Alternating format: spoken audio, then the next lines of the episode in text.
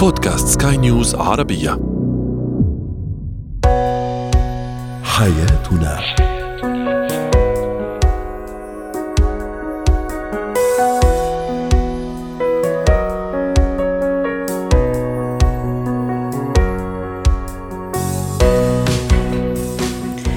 مستمعينا الكرام أهلا بكم معنا إلى حياتنا فضاؤكم اليومي الذي يعنى بشؤون الأسرة وباقي الشؤون الحياتية الأخرى والذي يمكنكم الاستماع اليه عبر منصة سكاي نيوز dot com slash podcast. وباقي منصات سكاي نيوز العربيه الأخرى. شاركونا عبر رقم الواتساب 00971 561 886223 معي أنا عماد شاب الزوج كثير الاقتراض الذي يقترض كثيرا من البنوك أو حتى من الأشخاص. هل هو سوء تخطيط منه أم بسبب كثرة طلبات الطرف الآخر؟ يعني الزوجة. المراهقة المبكرة عند الأطفال أسبابها وكيف نتعامل معها وأخيرا التعامل أو اتكات التعامل مع الجيران. هو وهي. اليوم نتحدث عن موضوع قد تعاني منه بعض الأسر بعض العائلات وتحديدا بعض الزوجات بعض العائلات. قد تكون الزوجة هي السبب في هذه المشكلة قد يكون سبب آخر كسوء تخطيط مثلا. الزوج كثير الاقتراض.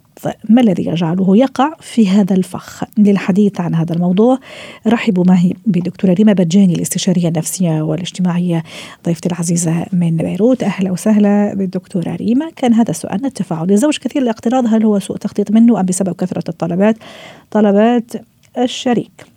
دعيني أقرأ بعض التعليقات عبد العزيز يقول كثرة الاقتراض لدواعي كمالية ليست في صالح الشريكين وربما تدخلهما فيما لا يرغبان لا خير في الإسراف ولا إسراف في الخير ورحم الله امرئ عرف قدر نفسه. تعليق يقول أحيانا بسبب كثرة طلبات الزوجة وتعليق يقول أنا أعيش هذه المشكلة. كثرة الاقتراض أدخلتنا في دوامة حتى صرنا يعني ما عندنا تكاليف يعني الأشياء البسيطة. دكتورة ريما إيش اللي يخلي الزوج يقترض بشكل يعني مبالغ فيه وحتى ممكن يدخلوا في دوامة إلها أول ما لهاش آخر؟ أول شيء مرحبا للجميع رح بلش لك بأول سبب يلي إذا بدك هو الأساس في بعض الناس عندها رغبة بالاقتراض يعني عندها طلع لها الأدرينالين إذا فينا نحطها بهذا الإطار. وهيدي حتى آه، بتلاقيهم عجب كل ما مثلا آه، إذا المصارف أو الشركات أو بتعرف الناس اللي بتعطي المال بيبقوا لاحقين شو عاملين بروجرامات جديدة تيكونوا هن أول الناس يلي عم بيقدموا هذا ال program. فاذا طيب هذه هذه دواعي نفسية لها دكتورة ريما؟ يعني سبب نفسي مثلا؟ صحيح صحيح. نحن اليوم صراحة بحطك حتى بإطار ال addiction يعني حتى من إطار التعلق المرضي. رح التعلق المرضي ما كثير على so بصير في عنده تعلق بهذا الموضوع يعني بصير عم بيتابع أي بنك قدم شو شو فايدتها وبيكون عم وحتى صراحة مش بس الاقتراض بمعناه اللي بنعرفه حتى في عندك ال credit card يعني الناس بيروحوا بيجيبوا بطاقات المصرفية يلي بتعطينا مصاري. هلا هيدي على بعض على أكيد في شيء بالشخصية هون تنكون واضحين. يعني م. يلي عطتيه أمال أكيد يلي قالوا المستمعين إنه نحن اليوم في يكون بسبب إنه أول شيء نظرته آه، شوي مبالغ فيها للإشياء اللي بده إياها، بتعرفي كمان كانت موجودة قبل وبأيامنا هلأ كثير زاد. نحن اليوم في كثير ناس بيعيشوا أكثر ما هن قادرين. ومع التسهيلات اللي عم بتصير هون نقطة أساسية يعني في إغراء إذا بدك. نحن اليوم قادرين أحصل على اللي بدي لو ما عندي القدرة. بس صراحة مثل ما قال حدا إنه ما بقى عنده القدرة يرجع يدفعهم لأنه ما في تخطيط طبيعي. هن الأشياء بتفوت فيها بعدين إنه already هو عم يلحق رغباته. يعني هذا التصرف هلا كمان اسمحي لي شوي امال في من ميل ثاني الإنسان عنده طموح بيعوز شوي يمكن يقترض بعض المال عم بيحطه بهدف استثمار بس يطلع له مصاري نحن مع 100% بالعكس نحن اليوم ما عم ننسف هذه النظرية بالكامل. هون مدروسة في لها تخطيط. آه، عم بي عم بيكون هو نحن بنقولها شوي على على هيك بالعربي إنه عم بيضحي شوي ما أنا بحبها للكلمة بس إنه ببعد بحياته تيكون عم بيرد هول المصريات. يعني هذه بدها process مثل ما بيقولوا بدها تخطيط بدها عمل.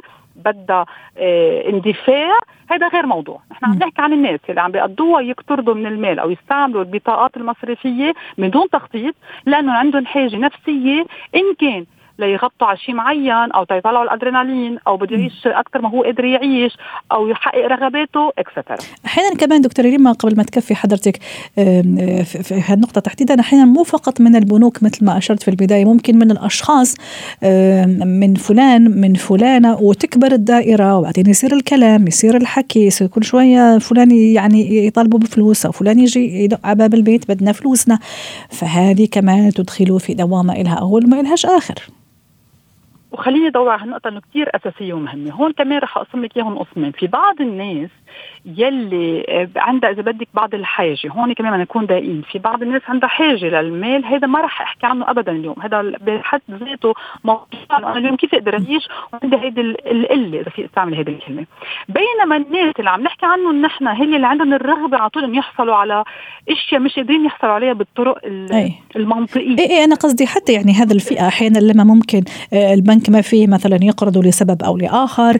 آه، الكريدت كارد خلص استوفاها كلها وما خلى ولا كريدت كارد بيروح يعني يرجع يلف على ناس آخرين ممكن العائله ممكن حتى يخسر علاقته آه. فيهم يعني دكتورة ريما وهون وهون سوء التصرف لأنه هون بتعرفي قد إيه بتصيري تشوفيه إنه أو زوجته إنه عم تطلع إنه كيف قادر يفكر بهيدي الطريقة، هون مش نحن عم ندور على هالفئه من الناس يلي فقدت إذا بدك المنطق بهذا التصرف لأنه آه، الرغبات هي عم تاخذ إذا بدك لا بنقول بالفرنسيه يعني هي عم بتسيطر عليه. so حتى ما بقى عم يقشعوا إيه وعلى فوقها في شغلة أساسية مثل ما بيقولوا إيه حتى بالنسبة له يمكن إذا ما قدر يستوفيهم من هالازمه الكبيرة. نعم. ببعض الناس مش رح نقول كلهم في بعض الناس يعني أحر ما عندك أبرد ما أبرد ما عند هذا الشخص. ما عنده مشكلة. يستخفون أيوه. إيه طيب. أنا اليوم ما بقى عندي voilà. دكتورة ريما خلينا نروح للشق الثاني أو الاحتمال الثاني اللي حطيناه اليوم أو سبب آخر. معقولة كمان الزوجة عندها دور؟ طلبات كثيرة. ما تخلص الطلبات. هي كمان عندها سوء تخطيط ما عندهاش بعد نظر. يعني شو كمان موقعها من الإعراب في هذا في هذا المعادلة؟ الصراحه صعبة ويعني تتأثر كثير على على العائلة.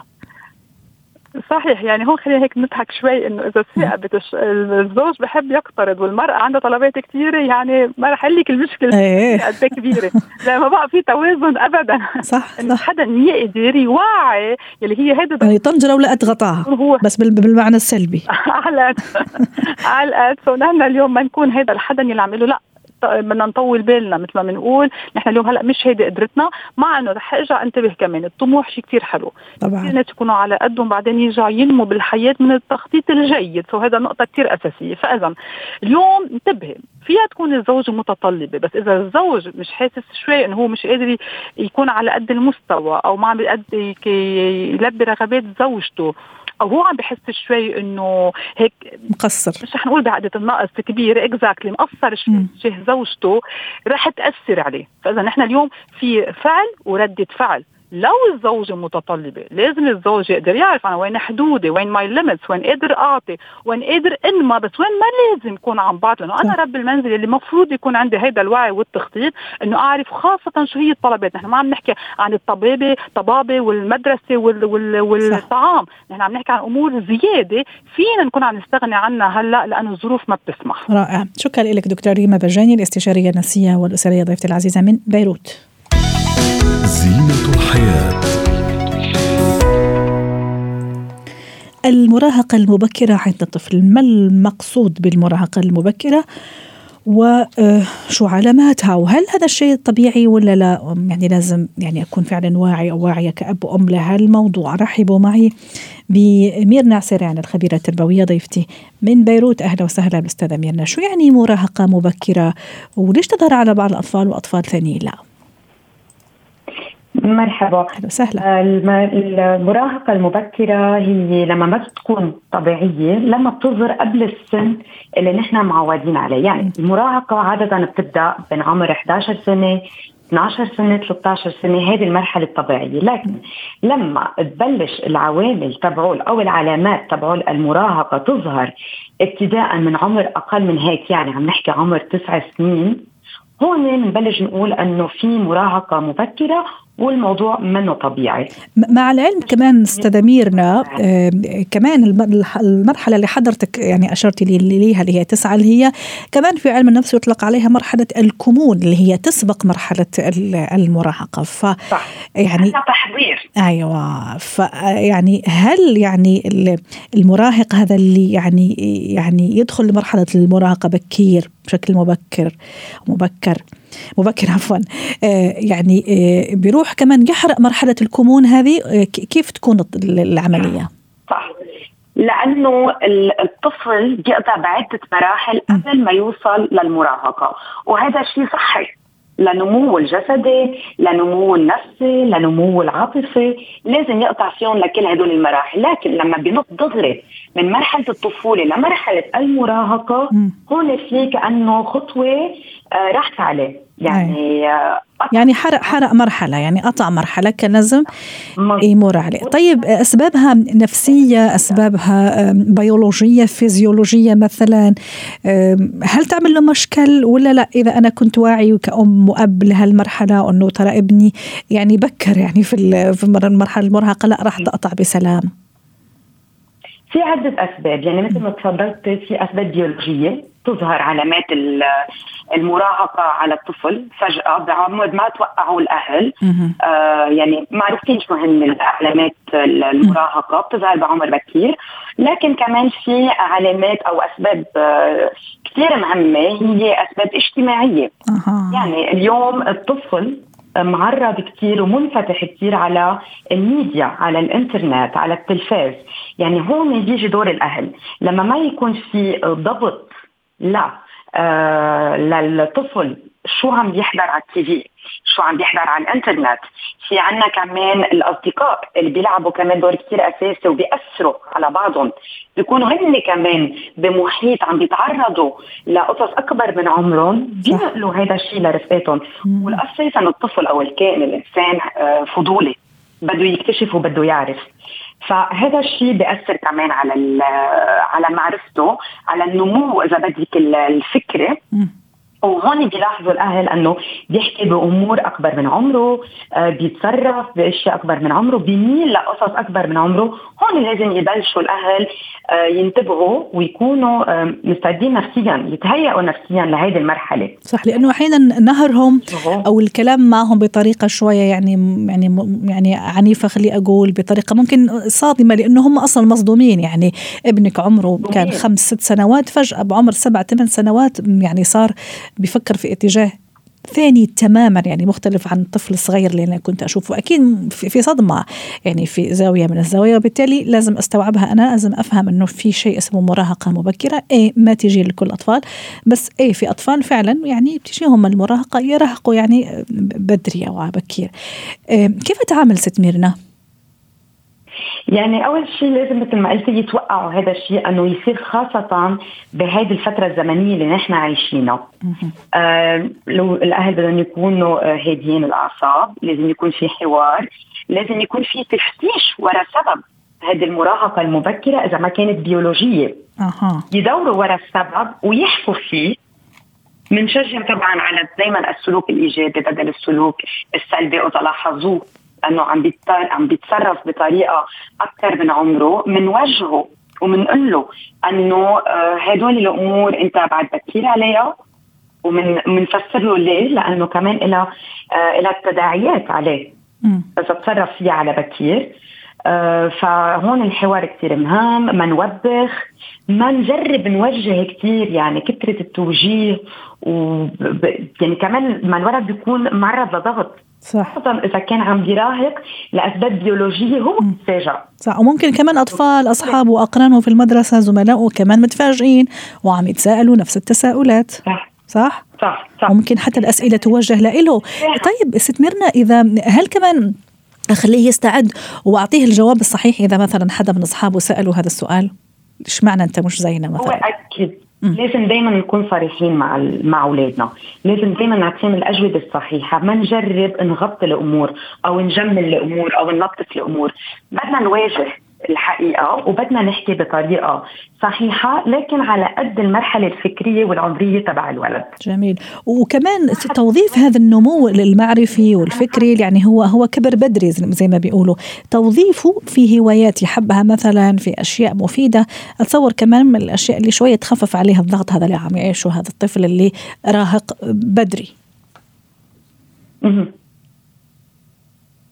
يعني ست ميرنا كنت احكي اي أي قصدي أنا يعني توظيف هذا النمو المعرفي اللي فجأة يعني آه يعني كبر بشكل يعني مفاجئ وأكبر من سنه توظيفه لأشياء مفيدة خل مثلا نقول هواية بيحبها صح مضبوط صح. لأنه عادة المراهق بتحسيه أنه آه، صار عامل فوكس على هواية معينة صح. أو على موسيقى معينة أو على فنان معين. فإيه كنت عم بقول أنا قبل شوي أنه لازم نشجع السلوك الإيجابي. يعني صح. إذا حب هواية معينة أكيد نشجعه عليها ونخليه يمارسها. ما في أي مشكل. إذا لقيناه عم بيتوجه صوب موسيقى معينة كمان فينا نشجعه عليها. يعني فيها في إيجابيات للمرحلة طيب إذا شفنا مثلا مثلا سامحيني قطعت كلامك لأنه عم نختم. مثلا بنوتة في عمر مثلا 8 9 سنوات عم تهتم بأشياء مثلا أكبر من سنها خلينا نقول مثلا ميك اب كعب عالي رغم إنه الطفل لو هي صغيره يعني بتحب هيك أشياء بتروح تقلد أمها مثلا. بس شوفها مثلا لا بتحب تطلع فيها شوية over هو كمان الولد over شوي. كيف أوجهه باختصار؟ يعني هون بهذا بهذا المثل اللي اعطيتيه هو بيرجع لتأثير الأم. يعني في عنا أهالي بحبوا يكبروا اولادهم خاصة الأمات يعني بيكونوا هن عندهم كثير feminine side الأمات بحبوا يولدوا هذا الشيء على بكير عند أولادهم فهون لازم ينتبهوا. وكمان بالنسبة للآباء كمان يحبوا مثلا يشوفوا يشوفوا يعني يشوف نفسه في ابنه. إن شاء الله على بكير يعني كمان. صح. فكمان هن بدهم يضبطوا حالهم الأهل وبدهم ينتبهوا على تصرفاتهم قدام اولادهم وما يحرقوا مراحل لأنه آه لاحقه تلبس كعب لاحقه تحط ميك اب آه لاحقه تلحق الترند. آه فهون في في الأهالي بدهم كمان يضبطوا نفسهم وينتبهوا كيف عم بيتصرفوا قدام أولادهم. شكرا لك أستاذة. بدها تلحق أمها. صحيح. influencer بالنسبة لها. صحيح. شكرا لك أستاذة ميرنا عسيران الخبيرة التربوية ضيفتنا من بيروت.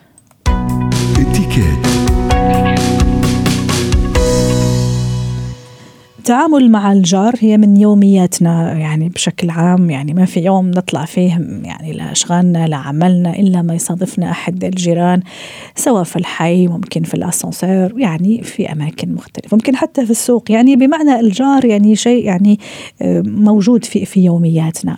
اليوم حبينا نتوقف عند الاتيكات اتيكات التعامل مع الجيران أو مع الجار. رحبوا معي بسلوى عفيفي خبيرة الاتيكات. أهلا وسهلا بدكتورة سلوى.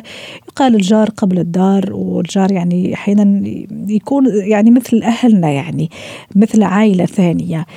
إيش هي قواعد أو الاتيكات وأهم قواعد الاتيكات اللي لازم أتعامل بها لما يكون عندي أو أتعامل مع الجار؟ يسعد أوقاتك ويسعد مساكي. طبعا سهله قلتي الجار قبل الدار حسن الجوار شيء مطلوب. يمكن حتى النبي صلى الله عليه وسلم أوصى حتى بتابع جار يعني. م. آه، فالجار هو شريك لي في البناية التي أسكن فيها في الحي في الحائط المشترك بيننا يعني.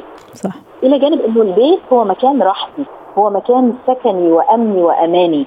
فما بالك لو أنا رايحة البيت وشايلة هم الجيران أو أولاد الجيران أو مضايقات الجيران؟ يعني تخيلي الواحد رايح بيته وليس فقط أيضا في البيت حتى جاري حتى في مكان العمل ربما يكون. آه، جاري ممكن يكون الشخص اللي ماشي جنبي بالسيارة مثلا. فكل هؤلاء يعني نعتبرهم جيران طالما إنه إحنا نتشارك في بعض الأشياء. فأكيد هناك اتيكات وقواعد لحفظ هذا الشيء وحفظ خصوصية الآخرين وحفظ أيضا آه، العلاقات بين الناس. نعم. إذا إذا حابين نعددها في نقاط دكتورة سلوى. نعددها. كأنك عم تشيري أول شيء لموضوع الهدوء والراحة وعدم إزعاج الجار أو الجيران. طبعا. أول حاجة في أشياء نفعلها وفي أشياء نتجنب فعلها. آه، أول حاجة احترام الخصوصية. يعني مش معنى كده إنه أنا مرة على بيتك يعني معنى كده لازم أدق الباب أو لازم تفتحي لي الباب أو لازم أدخل في أي وقت. لا لازم يكون في مواعيد. إذا كان مثلا أطفالي أو أولادك مثلا في سن متقارب وحابة إن أنا أنشئ علاقة بينهم أو يتعارفوا لازم أخلي في مسافة وأحترم هذه الخصوصية أيضا. أحط مبادئ معينة. آه لابد إنه أنا أحترم الحيز الشخصي والمسافة. يعني لو إحنا بنقول في مثلا بهو مشترك بيني وبينك مثلا لابد أن أحترم ذلك. إن كان إن كان في من خلال مثلا إنه يعني لا ألقي مخلفات أو أو مهملات أو شيء. حتى إذا حطيت مثلا زرع أو كذا لازم بالاستئذان في المشاركة في هذه الأشياء. عدم التعدي على مساحتهم الشخصية عدم مت... يعني ترك أي متعلقات مثل الدراجات الأبناء أو المخلفات وغيرها. آه، حتى في آه، أماكن صف السيارات. يعني لابد أن يكون صح. هناك احترام لذلك. لو إحنا متفقين مثلا على أماكن معينة في واحد عنده ظروف خاصة أو كذا نحترم ذلك. آه، إذا السيدات أحيانا بيعملوا مثلا جروبات على مشتركة مثلا على التليفونات أو كذا أو التواصل الاجتماعي إذا حبوا إن هم يتشاركوا لازم برضه يكون في آه، موضوعات مشتركة خاصة بالمسكن أو بالعقار أو كذا المبادرة في المساعدة خاصة أه. إذا كان مثلا كبار السن. آه، جار مثلا آه، مقدم علينا جديد. أنا ابدا أنا أحييه بضيافة ب يعني لفه حلوة. صح. وأقدم له المساعدة إذا احتجتوا حاجة. إحنا لنا خبرة مثلا في الموضوع. ادله اشيره على استشارة مثلا معينة أو اعرفه على ناس آخرين. أحيانا كمان يكون الجار مثلا كبير سن ممكن يكون وحيد في البيت أو وحيدة في البيت. ممكن يكون مريض من أصحاب الهمم. كمان قديش مهم وجميل ورائع وشيء نبيل. أنه كمان يعني نقدم يد المساعده بطريقة ما وإذا طبعا هم احتاجوا إذا حسيناهم فعلا محتاجين لذلك. دي أساسية وأصبحت يعني يمكن تكون واجبة وليست تفضل مني، م. شخص أنا عارفة إن اولاده مثلا بيترددوا عليه كل شهر مرة أو ما عندوش حد أو وحيد أو امرأة لا مانع ابدا ابدا إني أنا أتصل بالتليفون أستأذن إن أنا ممكن أدق الباب ممكن أقدم لها مثلا وجبة حلوة تشاركني فيها ممكن أعزمها على فنجان قهوة. إذا حبت ممكن أنا أقدم لها المساعدة. ممكن أنا مثلا أساعدها أقول لها أنا نازلة أشتري أغراض البيت. تحبي أجيب لك حاجة معايا؟ جميل. يكون على استحياء كمان يعني مش مش لازم إن أنا أفرض نفسي عليها. خاصة ده هيبان من رد الفعل. آه انت عارفة إنه ممكن الجار فعلا ينقذ الإنسان صح. من موقف أو حادث حوادث البيت انت عارفة صح داخل المنزل. صح. أسرع من الأهل. بدليل إنه لا سمح الله أول ما يقع شيء أول شيء بتروحي تخبطي على على جارك اللي أول واحد على اليمين أو على اليسار أو اللي مقابل بابك يعني أول إجراء يعني. وممكن أحيانا كمان نحتفظ بأرقام بعضنا البعض لا سمح الله صار شيء أولادنا أطفالنا يعني في غياب مثلا رب البيت رب الأسرة فممكن يعني هم فعلا بمثابة العائلة الثانية. شكرا لك دكتورة سلوى عفيفي خبيرة الاتيكات والبروتوكول الدولي ضيفتي العزيزة من القاهرة. حياتنا.